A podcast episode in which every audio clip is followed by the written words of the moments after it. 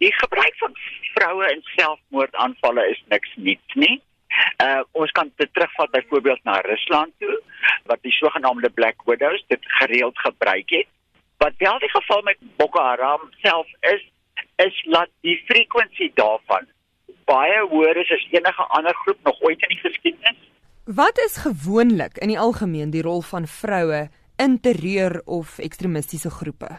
Die rol vroue in ekstremistiese groeperinge verskil, maar kom basies neer op 'n baie meer sterk ondersteuningsvlak waar hulle byvoorbeeld meer polisieeringsrolle sal vervul, waar hulle as koeriers optree, waar hulle as breide optree met ander woorde mother of the nation idee met ander woorde waar hulle die nasie moet bou vir die kalifaat wat hulle dan gedagte het.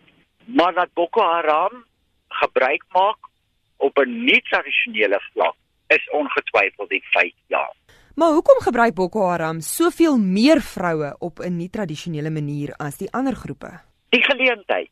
Die geleentheid as mens gaan kyk hoe hulle van ontvoerings gebruik maak, die geleentheid om te indoktrineer, die geleentheid wat bestaan binne die kulturele opset van Noord-Nigerië waar die vrou 'n baie meer nederige as ek die woord mag gebruik posisie het, maak dit net soveel makliker vir hulle om van vroue gebruik te maak. En, en dit gee dan die geleentheid vir die rol van vroue in hierdie selfmoordaanvalle. Gister se selfmoordbomaanval in Nigerië het 27 lewens geëis en daar is baie kritiek teen Nigerië se regering wat beweer hulle is besig om vir Boko Haram te verslaan. Is dit wel die geval? Is die Nigeriese regering besig om vir Boko Haram oor aan te sit? Nee, hulle is nie besig om hulle te verslaan nie. Wat Boko Haram al bewys het oor en oor, is hoe hulle gereeld aanpas by die situasie.